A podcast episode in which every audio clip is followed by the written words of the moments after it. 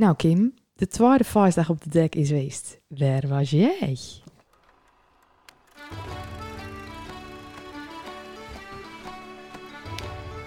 Hallo allemaal en welkom bij de podcast Zonder Naam. Deze podcast wordt opgenomen door, voor en met Volendammers. En wij gaan het hebben over de evenementen die plaatsvinden in Volendam en het algemene rijden en zeilen van ons dorp. Wij zijn Kim en Mandy en los van ons twee zal er ook af en toe iemand aanschuiven om met ons te praten over de dingen die spelen. We nemen jullie ook mee in onze dagelijkse sleur en dat doen we lekker in het Volendams. Ja, jij gelijk.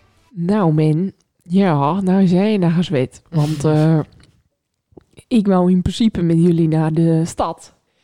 En eh, wij zouden eigenlijk in eerste instantie vrijgezellendag heen in de stad, maar dat was te bedekken. Dus dat hadden we die zaterdag gehad. Ja.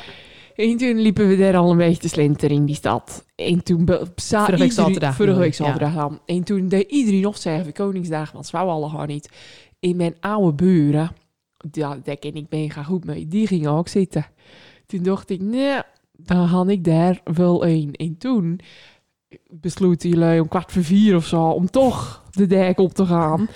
Nou, toen had ik toch weer een last van eh, FOMO. Fear of missing out. Fear of missing out, ja. Maar toen zat ik aan een barbecue en ik, ik zat erg lekker hoor. Maar toen is toch daarna wel door diverse mensen aan me gevraagd of ik nou zwanger ben.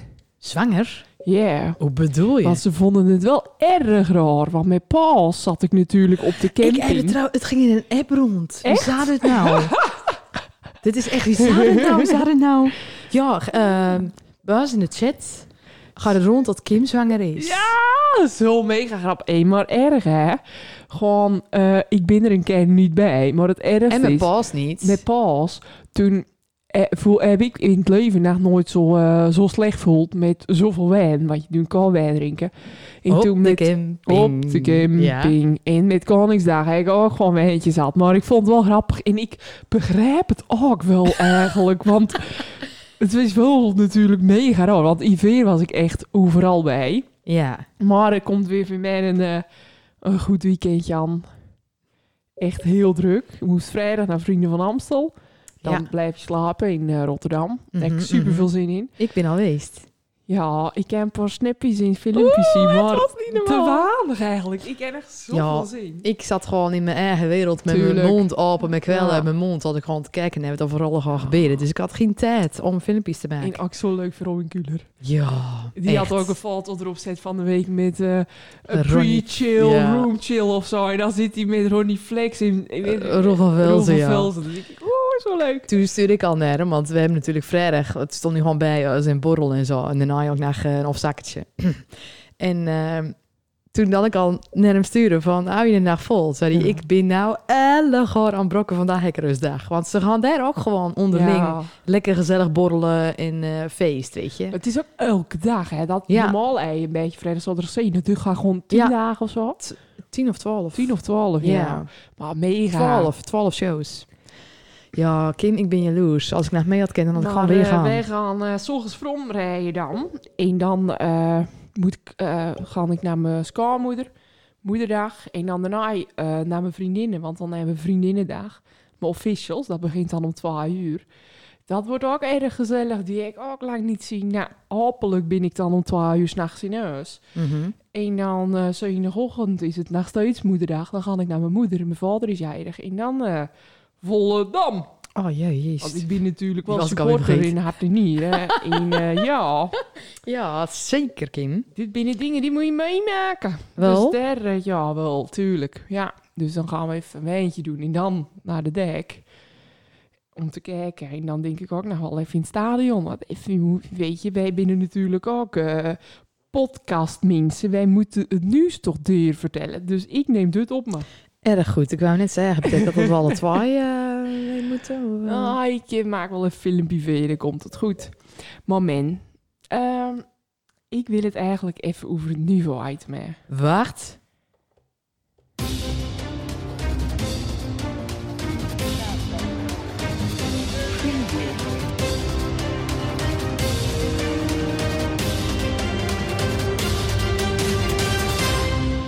Elke keer kippenvel. Ja, nou, ehm super spannend deuntje.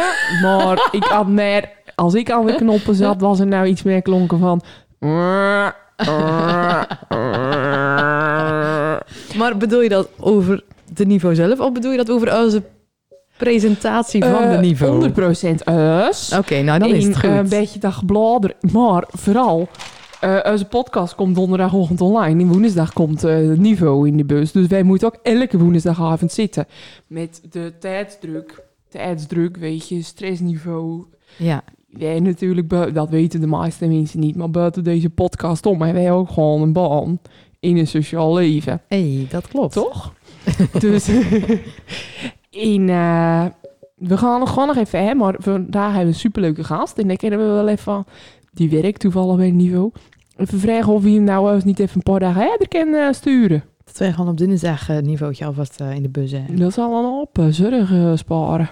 In als misschien toch overwegen om het te vernieuwen naar een ander item.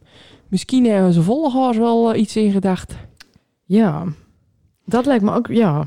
Maar daar hebben we al een keertje, weet je, ik, ik, ik sta er voorop, ik sta er Ja. voorop. Maar deze niveau vond ik trouwens nog wel interessant. Want eh voorpagina nieuws Ja, dit is pontificaal. eh. rondzwervende cocaïnewikkels aan de orde van de dag in de oude kom. dit is ook bij jou voor de deur. Nou, ik heb hier dus echt last van en ik stuur dat wel eens op Snap. Ja. Want elke zin hoggelt stap ik de deur uit en eh, laat dan een pakje shake, een pakje uh, Marlboro en dan in het plastic hieromheen zit een wikkel coke. Maar een keer twee, maar dat was ook een feestweekend. Maar ja, ik vind ook dat dat raap je ook niet op en gooi je in de vullersbak. nou, soms gooi ik mijn vullerszak weg. Dan pak ik hem op, zodat ik gelijk naar de bak loop. Maar ik moet dat ook niet even zo naar binnen in mijn vullersbak hebben. nou, dat lijkt me ook een erg raar gevoel. Maar er is dus nou een vrouw en die heeft ze nou eh, drie weken lang oppikt. Maar die leggen er een stuk of twaalf. Maar het laat gewoon bij de Kennedy School, Nicolas School. Ik wou net zeggen, het laat in, het, het, bij jullie bij, yo, jullie hebben ook gewoon kinderen in de buurt. Vast. Ja, maar je, je, je kind zal er even aan zitten. Of je oont. Het is natuurlijk eigenlijk gewoon niet goed. Oeit, Wie kat. oeit. Oont. nou, maar ik vind het... eh, nou, dit ken Maar ik ik denk niet. echt dat mensen zitten in de drokte en die steken die Julianenweg over. Die lopen dan naar het lesje naar huis of ze pakken een taxi. Dan gooien ze het even weg in de as naar de lui, eh, ouders. Ja, Maar gooi het gewoon even in de vullersbak in de ding bij de puit. Puit. bij de puit. Puit, gewoon Staat de er vullersbak. Dus daar kunnen ze hem alle gaan ingooien. Bij Voes staat ook een vullersbak. Ja, Daar kunnen ze hem ook ingooien. Dus alle kookvrienden weten luisteren. gooi hem in de vullersbak. Ik moet zeggen kookvolle haas. Die daar langs lopen. En geef het deur aan je vrienden. Jullie weten allemaal wel wie ik bedoel. Oké. Nou ja, ik vind het toch wel... eh, ja, we doen er wat voor de medemens. Zullen we het niveau verder inbladeren? Ja. Ah, Kim. Oké, Dus toch een maand. Vind ik leuk. Ik Ja, ga meedoen. ik wou net zeggen, pagina 3. Maar wat, wat, waar, waar wordt het nou dan? Bij de FC Volendam in de RKV. Maar wordt er is dus een stormbaan wordt er gebouwd, eh, dat binnen alle van die luchtkussens. En dan willen ze een wereldrecord Ja, mee. ze willen de Guinness Book of Records eh ermee halen. 900 meter. Ja, dat is pittig. Maar Op is donderdag ook? Op donderdagavond van 5 tot 10 kan iedereen er al meedoen met de groep van 5. En op vrijdag is het dan voor bedrijven, Oké, oh, bedrijfsuitjes. hey. En volgens mij is het die donderdag overdag voor eh, Don Bosco. Ah, Dus dan staat het er twee dagen. Oké. Maar ik moet eh, werken tot eh 7, dus ik had me er eigenlijk niet in verdiept. Maar ik las nou eigenlijk vandaag dat het gewoon tot, tot 9 of zo is. Van 5 tot 9. Dit wil ik ook wel meemaken. Ja, toch? Ja. Dit, dit moet je nou ook meemaken. Maar Dit- net als de Hier, voetbal. Ik wil deze wel opnemen. Je mag hem mee. Oh, Ja? Dan ben ik wel blij dat ik mee mag. ik laat niet graag met skieten. Al die vastdagen. Sta je nou in de 25 jaar terug? nee.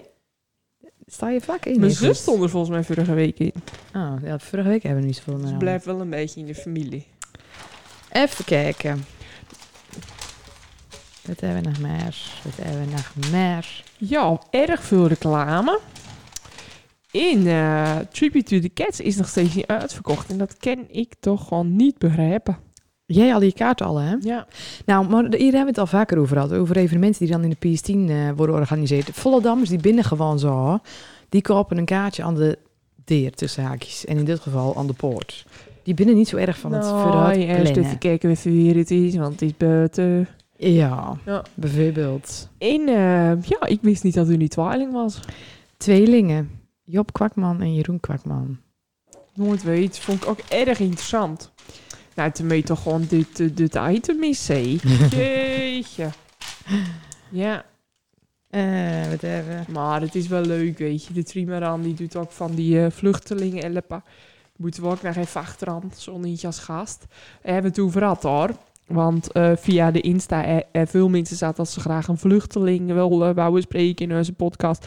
But there is a little bit of problem with the language with us, you know. Yes, I speak all the tales, Hey. but Mandy eh, not, you know. I do too. Dit, dit ging Rosella vloeiend, hè? Yes. Yes. Eindelijk weer feest in het park. ja, leuk. Moet je zingen, man. Dat weet ik nog niet. Oké, nou. Dat weet ik nog niet. Ik ken wezen van niet hoor, maar ik- ik ken ook wezen van wel. Kids Kitchen is open. Nou, Vind ik erg leuk. ja. Om even in te het even in te hè. Nou, dat vind ik ook echt erg leuk met eh, Monique Smit. Ja, Monique Smit als in René Smit zijn vriendin. Vrouw, vriendin, weet ik niet. Maar eh, zij het dus een kookclub voor kinderen. Dat het, ze doet ze al een tijdje. Ik zeg, ik heb het al een paar keer op Instagram voorbij zien komen. En dan gaat ze dus echt met eh, jonge kinderen. Ik ken even vanaf drie jaar. Ja. En ze doet al cursussen, vier weken cursussen geven van kinderen van 7 tot 13 of zo. En die, die kinderen vanaf drie, die kennen dan gewoon koekjes bakken en workshops Zo doen. mega leuk. Ja. En dan is het een uurtje of half uur en dat kost dan een tientje of 15 euro. Maar het is in een laatje en het ziet er ook zo schattig uit. Het is echt Ach. prachtig. Even om een quote even te noemen. Monique volgde haar dromen en nam ontslag bij het ministerie van Buitenlandse Zaken. Ja. Dit vind ik nou echt, echt top. Toen ging ze lekker bakken. Ja, hier hou ik van. En toen was Celeste jarig. Toen kwam ik er tegen in de bakker taart al. Ik zei, ja, maar niet, dit ken niet. Dit ken niet. Maar toen was het dus, dat was vorige week of zo. Dus toen was het erg druk. Dus ja, nou, voordeel van de twijfel dan. Monique, maar ik er zelf taart bakken, hè? Ehm, Oké, nou. ik eh, denk dat wij juist maar moeten voorbereiden op onze eh, volgende gast, man. Ja, dat denk ik. Oh, dan kunnen we misschien ook nog wel even over het niveautje. Weet je, je weet het niet. Jan Smit, nieuwe voorzitter, FC Voldaan. Spannend. Misschien Misschien. even, misschien even noemen in tel. En dat eh, was de niveau. Zullen we hier, hier... Komt hij nou gewoon aan het fietsen? Is hij met de fiets? Hij zat weer met de fiets. Jeetje. Hallo, Eddie. Hallo, hallo. Nou, eh, we hebben vandaag eh, te gast Eddie Veerman. En eh, veel mensen zouden nou denken, wie, wie is dat? Wie is dat? Maar Eddie is eh, journalist. En eh, zoals wij altijd onze podcast beginnen, gaan we eigenlijk altijd even googelen. En jij hebt dus een Wikipedia. Alleen hij is niet meer zo erg up-to-date. Tot eh, 2014. Ja, ik vraag me af wie dat dan eh, ingevuld heeft van mij. Want ik heb het zelf niet gedaan. Nee? Ik zou echt niet weten wie... eh, iemand heeft me er al wel eens op wezen. En toen ben ik ook wel gaan kijken in mijn kinderen inmiddels al eh, googeld op mijn naam. En kwam er toen van school van papa, papa, je hebt een eigen Wikipedia pagina. Ehm, eh, leuk. In, in, eh, nou goed, er is genoeg om te vullen. Maar het is wel eigenaardig als je dat niet van jezelf weet. En Ik dacht ook echt dat je dat gewoon zelf had gedaan. Nee. Jeetje, dat is wel, nou, dat is toch wel een eer. het is wel een eer, ja. Ja. ja. Maar eh, volgens Wikipedia ben je journalist eh, van de Telegraaf, waar je voor namelijk over sport schrijft. En eh, wij kennen jou eigenlijk van niveau. Dat klopt. Maar vertel eens wat over je carrière. Ehm, nee, ik was in de gelukkige... Ik moet kort houden, toch? Niet Ja, te lang erg kort, ja. toch? Je bent Nee. nooit zo kort van stof, Nee, dus ik- eh, we houden het kort. Misschien moeten we dat nog wel een pakken zeggen van korter, korter. Oké. Geef me een tikkie onder de tafel, dan weet ik het wel. Nee, ik was in de gelukkige omstandigheid dat ik als kind eigenlijk al wist wat ik wilde worden. Eh, dus eh, als tienjarige zat ik zelf in de voetbalselectie van toen.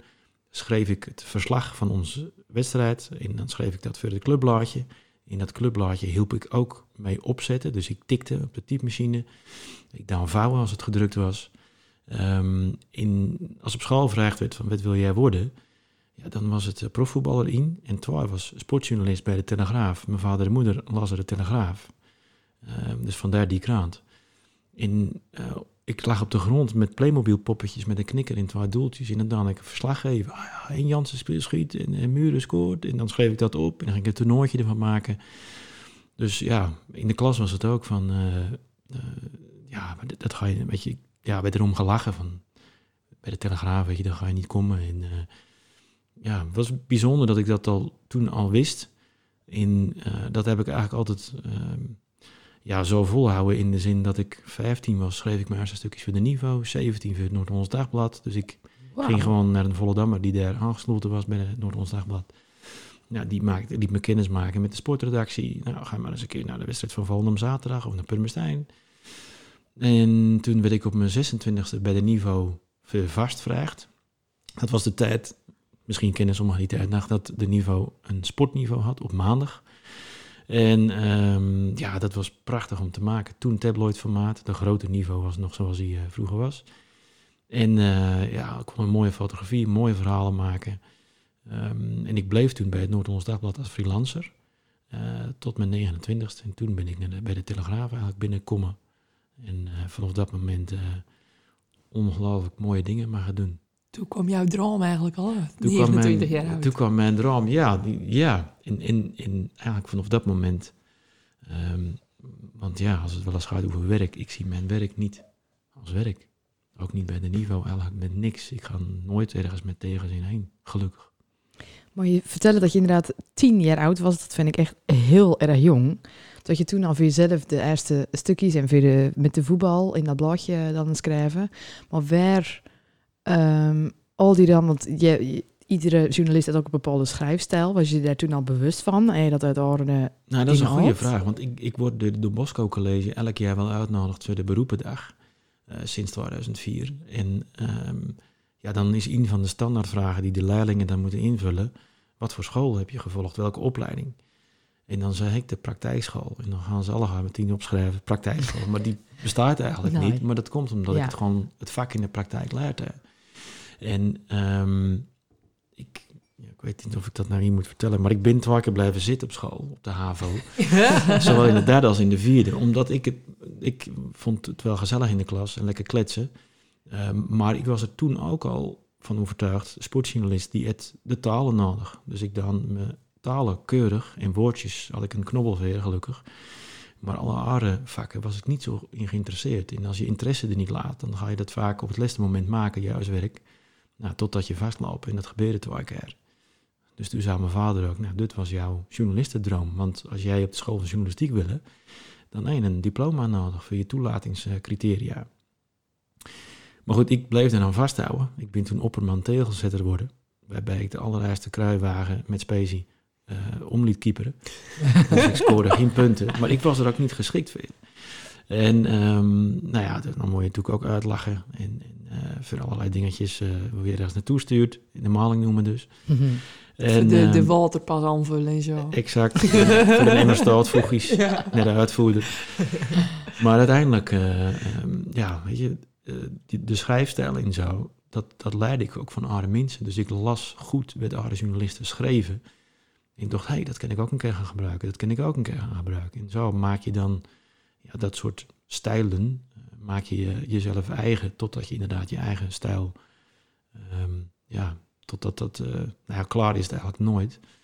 Maar ehm, zo heb ik het eigenlijk eh geleerd in, zonder de school van journalistiek. Ik heb mij wel een keer aanmeld. En toen was er 250 plekjes en 1200 aanmeldingen kreeg ik toen te horen in Utrecht, geloof ik.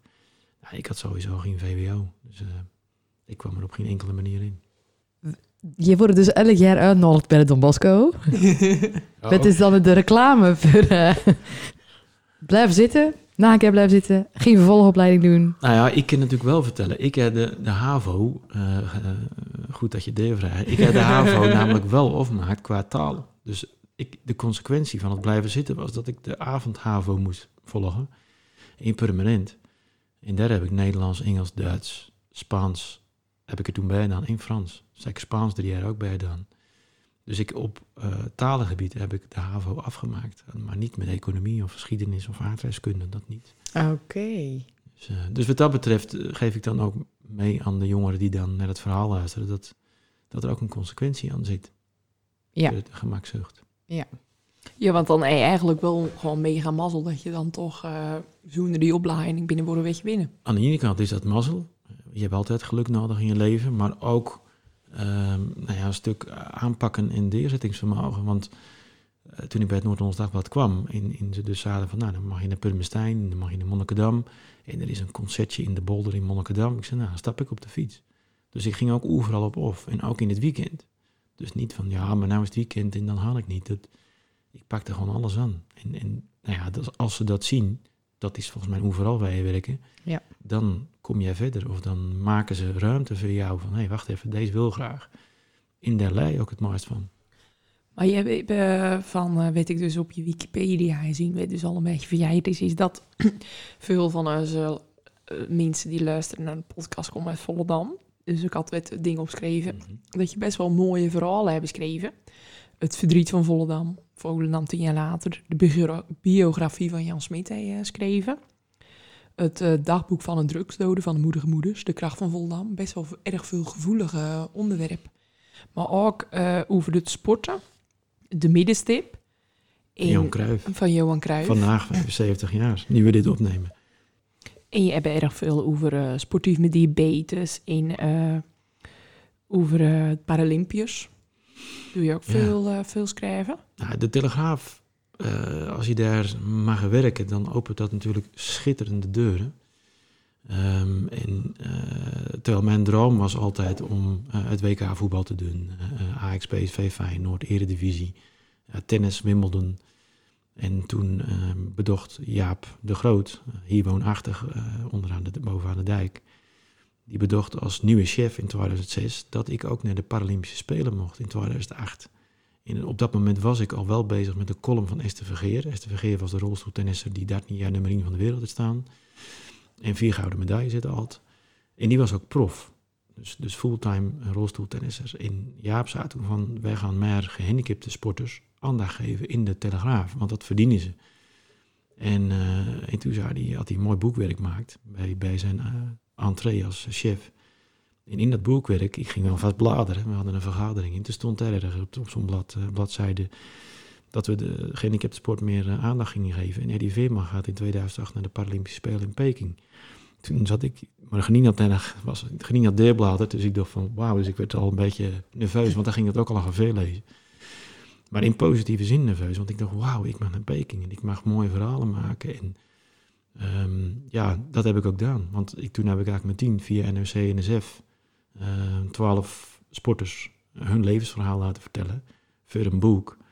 Was getekend. Dus, ehm, en daar heb ik een eindje, een was getekend twee van gemaakt. En ja, dat was geweldig. Want eh gehandicapte sporters die hebben iets, ja, die, die leveren dubbele prestaties. Die, of ze worden met een handicap geboren, of een ongeluk of een ziekte. Dus die, hebben dan al, die komen vanuit een, een vreselijk drama. Maar dan met de kracht om dan vervolgens het topsport te gaan bedrijven. En dat willen ze natuurlijk ook gewoon ja, wel deilen. Weet je, ze vinden Ja. mooi dat ze in de picture komen, vinden ze mooi. Dus ze zijn hier dankbaar. Dat, dat zeggen ze ook gewoon. Dus de dankbaarheid is er. Ook als je dan op zo'n spelen staat van wauw, weet je, er komt een journalist naar Peking of Rio of Londen, veruit. Maar het verhaal wat ze hebben, dat, dat, dat verrijkt men als mens om, eh, om dat te mogen doen. Dat is enorm. Dat is het grootste verschil, denk je, tussen de officiële Olympische Spelen, om het zo, ja, dat, het is een andere Olympische Spelen, en de Paralympics. De dankbaarheid van de sporters. Dat is een van de grote verschillen, ja, absoluut. En, en dat wil niet zeggen dat Olympische sporters niet dankbaar binnen, maar die staan veel vaker in de picture. Dus er komen, weet je, bij hun EK's, WK's komen gewoon standaard journalisten.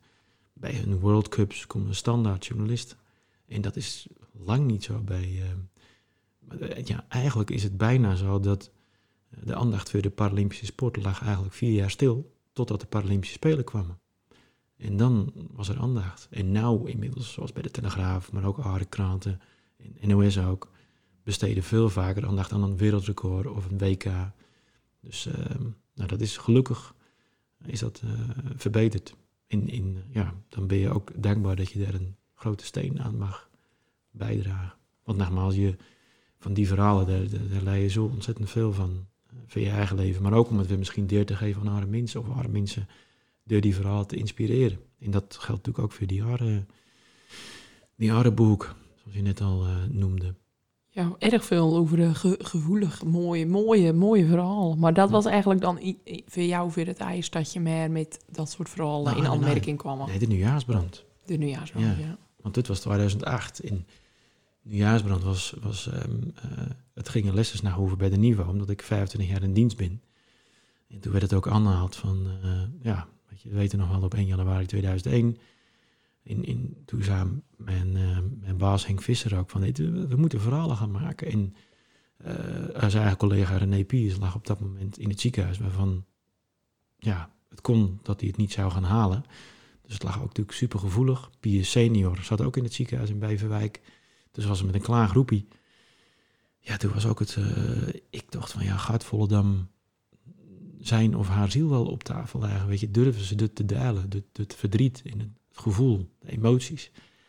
En, want ja, dat... eh, bij veel is dat natuurlijk best wel gesloten. En, en eh, is het wel oké.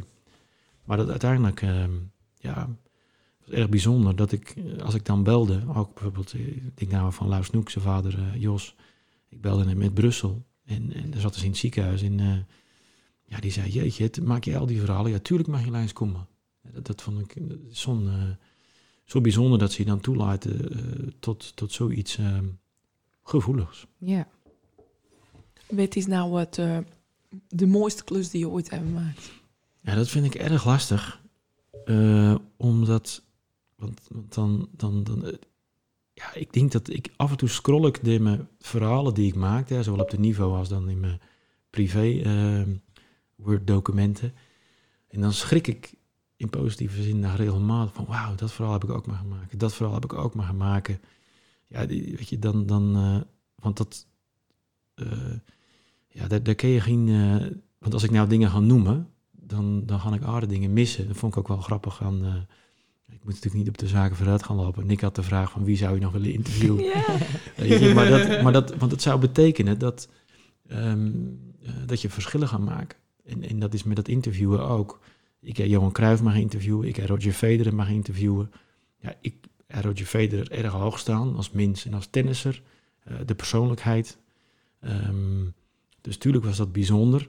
Ik was net op tijd, dus ik maak ook geen verschil tussen op tijd komen of te laat komen bij de in bij de aard. Ehm, bij Boris Becker heb ik ook geïnterviewd, het ook al pakken, het ook Wimbledon wonnen. Daar was ik wel te laat. Maar in dat, dat geldt ook voor, eh, als ik, vor- vorige week heb ik een verhaal gemaakt met, met een, eh, een klas met, met eh, kinderen uit Oek- Oekraïne. En er stond een 16-jarige jongen ook gevlucht. En zijn vader zit nog steeds daar in Kiev. Nou, die jongen die, die dan met, met hij stond op, op huilen, zeg maar. Maar hij probeerde zich toch netjes te houden. Maar het was een erg fijn gesprek. En vertelde over zijn droom hij had om daar bekend te worden als singer- singer-songwriter. En dat hij nou hier, omdat hij als tolk dient vanuit de Meermin in de piramide. Dus bij de piramide zit die klas met kinderen. En hebben ze gevraagd, wil jij misschien dan tolken bij de, de die het in Engels doet? Nou, en hij- hij- dat vond hij zo mooi. En die ouders binnen dankbaar uit de Oekraïne. Ja, zo'n verhaal of het verhaal weet ik nou voor de nieuwe aan het uit ben werken met, met Henry Karagat, 22 jaar, heeft een, had een tumor, eh, is nog steeds onder eh, behandeling op dit moment. Ja, zo binnen de zoveel verhalen, menselijke verhalen, dan vind ik, een, ja, vind ik het een veerrecht dat ik daar aan tafel mag zitten. eh, in dat, met hetzelfde veerrecht als dat ik Roger Federer of Johan Cruijff. En dat is dan misschien mooi omdat die onbereikbaarder lijken Ja. binnen. Maar ik, het is voor mij net zo waardevol. En je ook wel eens interviews geven waarbij je dochter, dit komt niet vooruit. Zelden. Ja? Zelden, ja. Zelden. Want dat, weet je, dan, dan zou het net...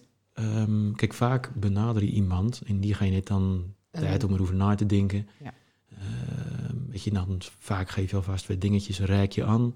Oké, oké, ja, wat moeten we het dan over hebben? Als ik nou, dan zei ik het even vol, dan waar moeten we het over hebben? Dan reik je weer dingetjes aan. Ah ja, daar kunnen we wel een verhaal van maken. Weet je, en dan, eh, ja, ik zeg ook altijd, weet je, we hebben het stuur, het stuur zelf in handen. Als jij vindt dat bepaalde dingen er niet in moeten, komt dat er niet in. Je mag het nog nalezen. Dus ja, ik heb bijna nooit gehad, misschien in het begin of met een, iemand die erg jong is. En je kinderen binnen Marcel een beetje verlegen dan. Snap ik ook wel. Dus daar komen dan korte antwoorden uit. Maar de meeste volwassenen. Je benadert ze natuurlijk altijd met een reden voor Ja. een verhaal. Ja. Dus ze hebben een verhaal. Maar volgens mij, als jij een interview opneemt, volgens mij zit je ook gewoon met die mensen gewoon in gesprek. En dan daarna ga je een stuk schrijven. Want wat je ook vaak zien hè, bij orenschrijvers, ook van niveau of zo, dat het echt interview is. Vraag, antwoord, vraag, antwoord. Maar als je jouw stukken leest, dat is echt gewoon een boek. Echt een verhaal met Ja, je- gevoel. Ja, ik krijg al regelmatig krijg ik te horen dat de verhalen veel te lang binnen. zelfs soms drie pagina's. En ja, ik stel dan ook wel eens de vraag, maar wat, wat had ik er nou precies tussenuit moeten laten? Kijk, als je een verhaal voor de Telegraaf maakt, dan weet je dat je aan zes, acht, honderd woorden geboren, of, eh, gebonden binnen. Soms mag ik ietsje langer maken, maar ja, bij de niveau heb ik vrijheid qua ruimte. En eh, ja, ik, ik vind het dan moeilijk om dingen weg te laten. En dan ga je ook, dan wil je het laten lezen alsof het een gesprek aan tafel is. Zodat de lezer het gevoel ook heeft van, ja, nou leek het net alsof ik aan tafel zat met diegene. Ja, dat, dat het komt ook wel echt over. Ja, met vraag en antwoord is dat eh, iets anders. En soms is vraag en antwoord trouwens ook zeer bruikbaar. Weet je, dan is dat eigenlijk gewoon, leest dat misschien weer prettiger en informatiever. Maar met name natuurlijk zo'n ja, gevoelig verhaal, daar, dat, daar wil je de ruimte aan geven. Ja, dat is het lullig als eentje even zeilen hard lucht. En dat jij dan eh, dat al de, Kort weekend. Ja, echt even alles eruit knippen. Ja. Maar eh, we gaan verder. we gaan maar gelijk over die vraag van Nick. Nou ja, dus is er, ik heb er lang over nagedacht. En, en eh, mijn vriendin zei net, wil je dan niet Messi? Of, weet je, ehm, eh, ik, ja, ik, dus ik, ik kon ook niet echt op een persoon komen. De- dat komt gewoon omdat ik eigenlijk, eh verder niveau mag ik nou dat hier dan Piers dat. Eh, die maakte dan zoals Piers dat kon zeggen, eh maak ik wel even een knippie. Ging hij, mensen die 60 jaar getrouwd binnen. Ja, dan denk je, ja, nou ja met telefoon ga ik een fotootje maken. Wat kan je daar nou uithalen? Maar dan kun je soms zulke mooie verhalen. Want dan gaan we naar vroeger. Nou, er zit ook emotie in, want ik mis dat. Of een, ik kan nu niet meer dat. Eh, weet je, of ze beginnen over vroeger te praten, over de oorlog, of andere situaties, Ja. hoe ze elkaar ontmoeten. Hè. Dan denk ik, ja, dit is wel gaaf. En dus het, het is moeilijk om ook echt een onderscheid te maken. Weet je, ja, het zou een artiest kunnen wezen, het zou een bepaalde sporter, die dus onbereikbaar, en Messi, van ja, ja, waar kom je dan vandaan? Maar vooral ook van, ehm, wat doet het met jou dan misschien, zoals het Messi, dat zoveel mensen iets van je fijn. Ik vind dat hij veel te veel geld krijgt, bijvoorbeeld. Ik vind dat krom. Dan is de wereld krom voor mij nou, omdat er eh, veel mensen eh, niks hebben om eh, op te kouwen. Ehm, in zullen worden veel, met veel te veel geld toestopt. Ze hebben een uitzonderingspositie, dat snap ik, want ze brengen de wereld ook weer erg veel als rolmodel. Maar goed, er wordt altijd wel over deze mensen, over bekende mensen, die hebben ook in eigen dorp, wordt er natuurlijk ook van alles zaad of schreven, iets van ze gevonden, terwijl ze er eigenlijk niet om vragen. Wat doet dat met je? Weet je, dat, daar ben ik ook dan wel. Ik ben altijd, Zou je dan eh, eigenlijk antwoorden, denk je? Zo'n Messi? dan zou ik denk ik aan ogen kunnen zien of ik Ja, antwoord ja, weet. ja, ja, dat wel. Ja. ja. Nou ja, dat, dat, maar dat ja, probeer je ook of te dwingen in een, in een interview, weet je, dat, dat iemand echt oprecht is. En, en eh, ja, daar probeer je te komen, naar dat moment. Ja. Dat binnen wel mooie dingen. Jij hebt nou die podcast van Nick natuurlijk, eh luistert niet, maar we zouden jou eerst een orendatum hebben. Dus Gary het in de podcast ook al een vraag aan jou stelt. Oh. En dat was, eh, wat inspireert je of wat is je uiteindelijke droom? Nou, eigenlijk denk ik dat ik, ehm eh, werd ik net al verteld, weet je, de mensen inspireren mij, de situaties inspireren me. Ehm, dus dat gebeurt bijna dagelijks. En ehm, eigenlijk, ja, veel sporters of artiesten zeggen dan, ik leef mijn droom, of, of een rol, een model of wat dan ook. Maar ja, dus ik, ik er niet ehm, aparte dromen. Weet je, dromen binnen dat ik met mijn kinderen dezelfde reizen kan maken als die ik zelf maakte in Australië, Nieuw-Zeeland, Argentinië, noem maar op. Dat binnen echte dromen. Dat we daar lang, een maand per vakantie of zes weken. Ehm, maar dus, eigenlijk heb ik niet naar ultieme dromen eh, waarvan ik zeg, nou als dat nou zou gebeuren als journalist, nee. nee. Het, is natuurlijk ook, want je noemde net een aantal dingen op. En, en als je door de Telegraaf, eh, zoals bij die, bij die Spelen mag komen, Maar ook in een aardbevingsgebied in Pakistan. Met twee hockeyers die daar dan naartoe gaan met artsen zonder grenzen. En dan vragen ze van, Ed, zou jij misschien mee willen? Dat was in 2006. Ja, natuurlijk ga ik dan mee. En dan mag je daar een week heen. Um, in dan leggen de mensen daarna onder het puin. En dan ontmoet je daar de mensen. En er was een Pakistaanse hockey international bij. Toen gingen we naar, naar boven de berg in met, met Artsen zonder Grenzen en het Rode Kruis. Ik ben in uh, Sloppenwijk geweest in Brazilië, meerdere keren zelfs, omdat we een boek met iemand zouden maken. Ja, toen kon ik weer, uh, Ajax ging toen op trainingskamp naar Rio de Janeiro, belde ik met die man in die Sloppenwijk, die Nederlander. Zou Ajax misschien kunnen komen? Belde ik met iemand van, van Ajax van, goh, weet je, de spelers kunnen eventueel de Sloppenwijk in. Nou, dan gaan we dat doen, uh, gaan we dat regelen, zei die man van Egon. Ja, in, in, dus er komen zoveel bijzondere ontmoetingen.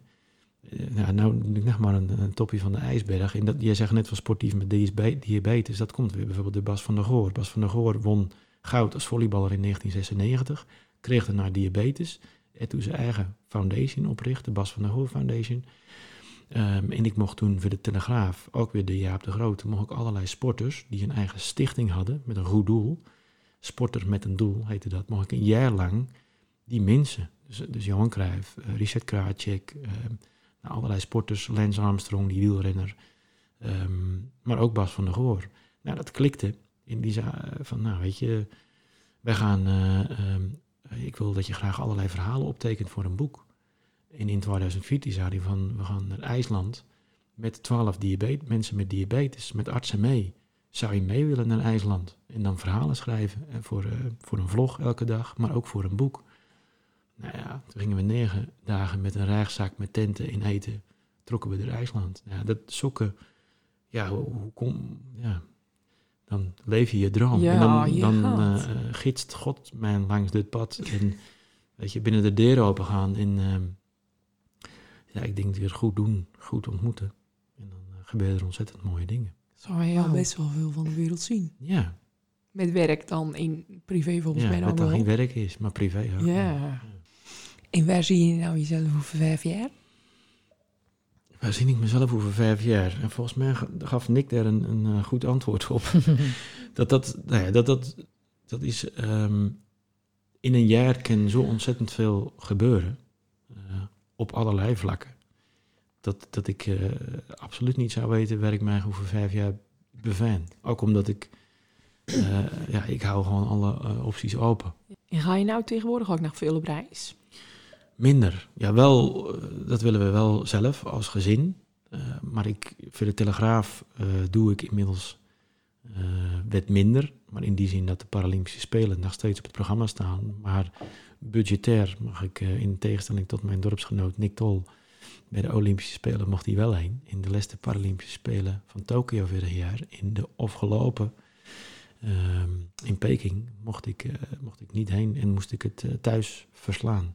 Mocht ik het thuis verslaan, want het is nog steeds mooi. Maar uh, niet meer op pad. Dus dat, dat, dus dat is wel iets minder het geval. Ja. Dus ik moet het zelf organiseren. Maar dat gaat wel gebeuren. Ja, dat is wel leuk. Hey, we gaan door naar de dilemma's. We hebben even uh, om eens heen gevraagd naar een paar dilemma's van jou. En ik ben wel benieuwd hoe, dit gaat, hoe dit gaat werken. Elke dag met de auto of elke dag patat? Wanneer gaan er nou dilemma's aangevonden worden dat je gewoon zegt, mag zeggen, hey van beide? je, moet er, nee, dat, je moet er kiezen. Ja, dat, ja ik, ben altijd, ik ben zelf altijd erg voorzichtig met het woord moeten. Want je mag eigenlijk mensen niks, uh, niks opleggen. Um, maar ik fiets me een slag in de ronde. En dat zal altijd zo blijven. Uh, dat probeer ik ook mee te geven aan de kinderen. Als die een spatje regen zien. Pa, ik zeg nee, we gaan op de fiets. Um, het is goed voor je lichaam, goed voor je geest, goed voor het milieu. Um, en elke, elke dag patat zou ook niet goed wezen. Dus ik, ik kan hier niet mee horen met beide niet. De volgende. nooit meer tennissen of nooit meer naar een voetbalwedstrijd? Waarom is ze zo super streng? en no, want want uh, nooit meer tennissen, kijk, dat zou natuurlijk kunnen gebeuren. Als ik ooit een blessure oploop, uh, wat ik niet hoop, Eh, want ik hoop echt nog dat ik dit eh, jaren mag, eh, mag doen. Wat ik nou doe, elke week. Wel flinke klop krijgen van de trainer van FC Volendam, Wim Jonk. Eh, tot mijn eh, enorme boosheid, want daar kan ik moeilijk mee omgaan. Ehm, in een voetbalwedstrijd. ehm, ja, want dat zou betekenen dat ik dan FC Volendam volgend jaar niet kan zien in de eredivisie. Dus ja, ook beide geen, eh, geen opties. Ik ben blij dat ik... Ik hoef nooit als journalist dilemma's weer te leggen. Het is wel een geluk. Volgende dilemma. Broeder eten bij Tante Veer Ja. of interview met Johan Cruijff? Ja, dat, eh, Johan Cruijff die leeft niet meer en die heb ik al interviewd. Oh ja, Dus dat dan, is ook eh, zo. ja, helaas leeft Tante Veer ook niet meer. Eh, dus eh, die broeder kan ik niet meer, eh, ook niet voor kiezen. Maar mijn lieve zus Marleen, die maakt nog regelmatig of af en toe een broeder à la Tante Veer. Broeder in de zak. En dan krijg ik een foto toegestuurd dat er of ze er eentje extra maakt of een groot stuk erbij. En dan, dan spring ik met die weer op de fiets. Kort haar of een zwarte jas? Nou, dan knip ik het wel, na de zijn knip ik het wel af. Deed wat deed je tegen een zwarte jas? Ja, dat is ook zo'n dingetje. Ehm, ik vind dat we in Volendam best wel veel zwarte kleren dragen. En dan denk ik, we binnen zo mooi kleurrijk. En de mensen binnen mooi met kleuren. Waarom kiezen we zo vaak voor zwart? Dan zeggen eh, sommige mensen... Ja, maar zwart is ook een mooie modekleur. Klopt. Eh eh, ben ik ook mee eens. Maar het, het is soms wel erg zwart. En, en ook als, het als, als de zeemer aanbreekt, en dan eh, ja, zie ik dat ook nog wel eens. En dan denk ik, jeetje, weet je, we hebben natuurlijk ook de zwarte Opel fietsen. Dat is dan ook een hype onder jongens. Ehm, ja, kies een prachtige mooie kleurenfiets, denk ik dan. Weet je, het, is soms ook alsof het... ehm, ja, weet je, het kleedt af, zeggen ze dan. Uh, Of jezelf ergens eh, achter ja, verschuilen. Dat hoeft niet. Weet je, wees gewoon lekker jezelf in. eh, laat jezelf zien. Maar dat ben ik, hè. Dat, ieder moet het voor zichzelf eh, weten. Nooit meer zingen of nooit meer bidden? Dit vind ik wel een erg interessante. Ja, dit is erg interessant. Want ik, ik zing elke dag. Gewoon als ik gewoon lekker op de fiets zit. Of eh, eh, als ik een liedje op de radio hoor. Eh en bidden doe ik ook elke dag. Samen met eh, Anneke en met de kinderen. Katholiek ook echt? Katholiek. Oké. Eerst het onze, onze vader, dan het wees gegroet. En dan hebben we samen met de kinderen een, een riedeltje waarin we eh, voor de families en enzovoort en eh, mensen op de wereld. En eh, ja, dat hebben we ook eh, erin gebracht. En dat doen we stevast. Wauw, dat hoor je. Zelden. Ik wil ze echt nog meer, eigenlijk. Nee, he- heel Ja. weinig. Ik, ik denk dat er ook nog weinig sowieso aan mensen bidden. Ik, dat, vroeger dan wij dat bij mijn vader en moeder ook bij het eten of bij het naar bed gaan. Met tante Veer dan het altijd ook. En dat heb ik er gewoon eh, inhouden. En ja, ik, ik geloof in, eh, in God. Dat hij mij gidst. En eh, daar ben ik hem ook dankbaar voor. Dus dat doen we dan s'avonds ook. Dan, dan danken we daarvoor. En, eh, dus dat, eh, wat was het nou, nooit meer bidden of? Nog meer zingen. Nou ja, dat doe ik dus ook elke dag. Lastig, lastig, lastig. Ja. Zullen we maar weer naar de deur gaan naar de volgende? Zou de volgende pakken. Een vruchtbaar dilemma, Ruudje, is dit, ja. nooit meer te laat komen of nooit meer op de fiets? Nou, dan moet het dus nooit meer te laat komen zijn. Dat, dat schijnt erg moeilijk te wezen. Eh, en ik weet ook niet, nou ik 51 ben, of het ooit nog gaat veranderen. Je was er vandaag echt erg netjes op Op tijd. de ik was minuut. vandaag op de minuut. Nou, Een minuut te vroeg. 10 minuten te vroeg. Ja. En er gebeurt altijd wet. Weet je, ik dacht, nou laat ik nou op tijd gaan. Want ik wist dat het een, of een item of een vraag ging worden. Te laat komen. Ehm, en toen was ik, te, ik denk, nou, snel snel schoenen. Toen bleek er nog een knoop in mijn schoenen te zitten. Dus die moest eruit. En ik denk, nou, had het even goed, ga ik nog te laat komen. Maar ik was dus op de minuut binnen. Ja. Maar eh, dat is gewoon natuurlijk een, een slechte eigenschap. Naar de liste, man. Ja. Nooit meer zaalvoetballen of nooit meer tennis? Ja, maar daar kun je ook niet tussen kiezen. Want ik eh, mag gelukkig ook nog steeds zelf. Maar ik prijs mezelf zo gelukkig, weet je, dat me al mijn, mijn knieën het nog doen, enzovoort, enzovoort. Dus dat binnen eigenlijk onbegonnen vragen binnen dit, om daar een keuze tussen te maken. Want ik vind het allebei even leuk. En nou beginnen natuurlijk regelmatig mensen van, eh, waarom ga je niet mee op de racefiets en kijk met huis? Of van, eh, ga een potje golven met huis. En dan zeg ik, dat, dat komt nog wel. Als die aardwaai niet meer kennen, tennis en voetbal. Want dat binnen wel intensievere sporten. Ja, zeker. Knieën in je rug. Dus weer geen keuze. Weer geen Weer geen keuze. keuze. Dan ben je wel nog keuze Maar de maken. antwoorden binnen mooi, toch? Al binnen ging ging je knip. Ja, ja. Nou, dan hebben we eigenlijk altijd naar eh, het nieuwe item. Het eh, levensmotto-item. En uh, Mandy gaat hem even opzoeken. Ja. En in de tussentijd kan ik dan alvast aan jou vragen... wat is nou je lievelingsliedje van vandaag? Mijn lievelingsliedje van vandaag. Welke deed je nou net zingen op de fiets hierin? Nou, ik had net ehm, Never Let You Go van Justin Bieber op mijn oren. En, en ik moest ook gisteren, toen had ik naar mijn vriendin toe... Een van de eerste liedjes die wij eh, in onze relatie hadden, dat ging over Build to Last. Ik weet eigenlijk niet wie, eh, van wie die is. En dat dacht ik gisteren aan. Ik dacht, ik moet hem eens in huis weer eens draaien. En wat denk je op de radio vandaag? Build to Last. Dat Niet. is toch ongelooflijk? Ja, dat is echt Dan moet, die, ongelooflijk. dan moet die in de playlist. Dat Ja. wordt hem. Dat is hem. Dan gaan we door. Komt nou het, eh, het levensmotto en dat hebben we bevraagd, dan eh, laat maar horen.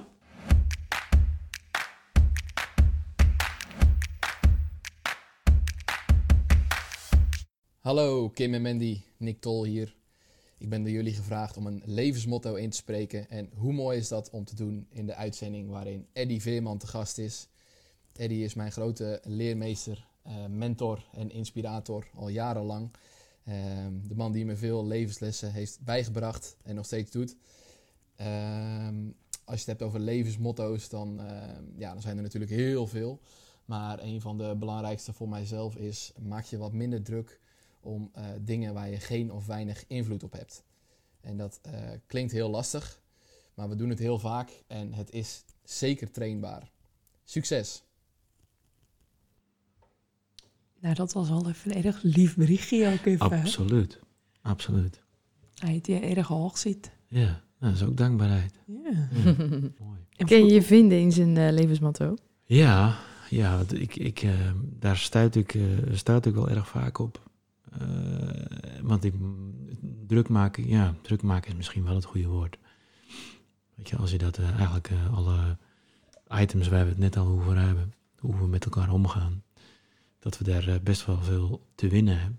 En dan gaat het over, ja, maak je je nou druk? Ga je daarop mensen, ja, als ik jeugd hoor roepen van homo of gay of je kut, sorry voor het vloekwoord. Maar dan stap ik daar wel vaak op af. En dan eh, eh, werp ik ze ook weer van, eh, weet je, wat riep je nou net? En wat is dat nou eigenlijk? Wat betekent dat? En waarom zou je het zeggen? En als, weet je, als het gaat over homo, als het iemand in jouw vriendengroep is, weet je, hoe, is het dan makkelijker dat hij daarna eh, voor zichzelf uit moet komen of moeilijker? Dan, dan ga ik dat gesprek aan. Ja. Dus dan maak ik me er misschien even druk om en hoop ik daarmee iemand inzicht te geven en bewust te maken van waar hij eigenlijk mee aan het schelden is of over die jaar aan het praten is. Of, ja, dus, ehm, dus dan probeer ik toch mijn invloed aan te wenden op een goede manier. Ehm, in de binnen inderdaad misschien wel.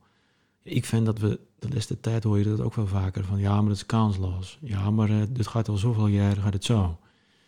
Nou, moeten we dan dus niet meer proberen invloed uit te oefenen en het maar zo te laten gaan? Of moeten we elkaar helpen om te kijken of we daar veranderingen in kunnen brengen, zodat het weer iets mooier gaat worden hier? Daar ben ik het absoluut, absoluut met de H. ben ik het ermee eens. Ja, en dat, dat moet mensen inspireren. En zo moet die dream worden. Dan wordt de wereld een stuk mooier. Ja, ik wou net zeggen, als we alle haar op dat gebied als iets is meer druk maken dan dat we het niet doen, dan hoef jij je weer een stuk minder druk te maken, want Ja. dan doen we het alle haar. Precies. Zo doen we dat. Zo gaan we dat doen. Dan eh, zijn we nu toegekomen, die wou ik horen, aan het zonnetje van deze aflevering. Ja, het is een, een ongebruikt binnenzonnetjes. Ja, nou, ik wou eigenlijk, ik wou eigenlijk nou dat je naam gingen noemen, Ja. want we, we krijgen te volgende gast, is Johan Keizer. maar Ja, welke? Alle haar. we krijgen ze alle haar. Alle Oh. je, we er alle haar. We ze gewoon zocht en ze komen hier alle ranskuiven. Johan Keizer van de Rabobank, Johan Keizer van de Slager. Oh, nou, ja, ze zoon. Ja, dat is ook een Johan Keizer, voetballer. Johan Keizer die in de band zingt. eh, Ja. Die is eh, advocaat, is hij advocaat? Ja. Ja, Nou ja, die krijgen we. wauw. Dus het wordt een eh drokke bedoeling. Moeten we ook proberen onder een uur te houden. Heb je al een vraag? Even zo, weet je wel, voor alle Johan Keizers. Een vraag. Dan zullen we eerst naar een kopje thee doen, Mandy, en dan de vraag beantwoorden. Dat ken maar even Dit wordt, een mooie, dit wordt een mooie cliffhanger. Dan kennen ze zich ook niet veel bereid. Dat is misschien wel goed. Erg goed. Wij willen jou eh, bedanken. We zijn dankbaar dat je hier binnen bent Dit- vandaag. Ja, dit, dit muziekie. ja, ja, dit meen ik echt. Er gebeurt echt iets in mijn lichaam. Dat is echt bijzonder. Dus, eh, Nou, wat ik eigenlijk het allerbijzonderste van deze hele podcast was, is dat je het voor elkaar gekregen dat Kim een sauna-stem het kreeg tijdens deze podcast. Dat is namelijk nou niet erg beter in het leven ook niet. een sauna-stem. Is dat zo? Dat, nou is hij weg, Nou ja. is hij weg. Nou was verheffen. Nou, de is het hele verheffen. podcast heeft ze zo praten. Ze ging eigenlijk Zo. lekker mee in Ja, maar ik jouw word eh, erg energie. rustig van jou, hè. Nou ja, dat is ook wel eens leuk. Oh, dat gebeurt weinig. Daarom wou ik je ook zo graag als gast. Mandy moest het zien. Erg lief, dankjewel.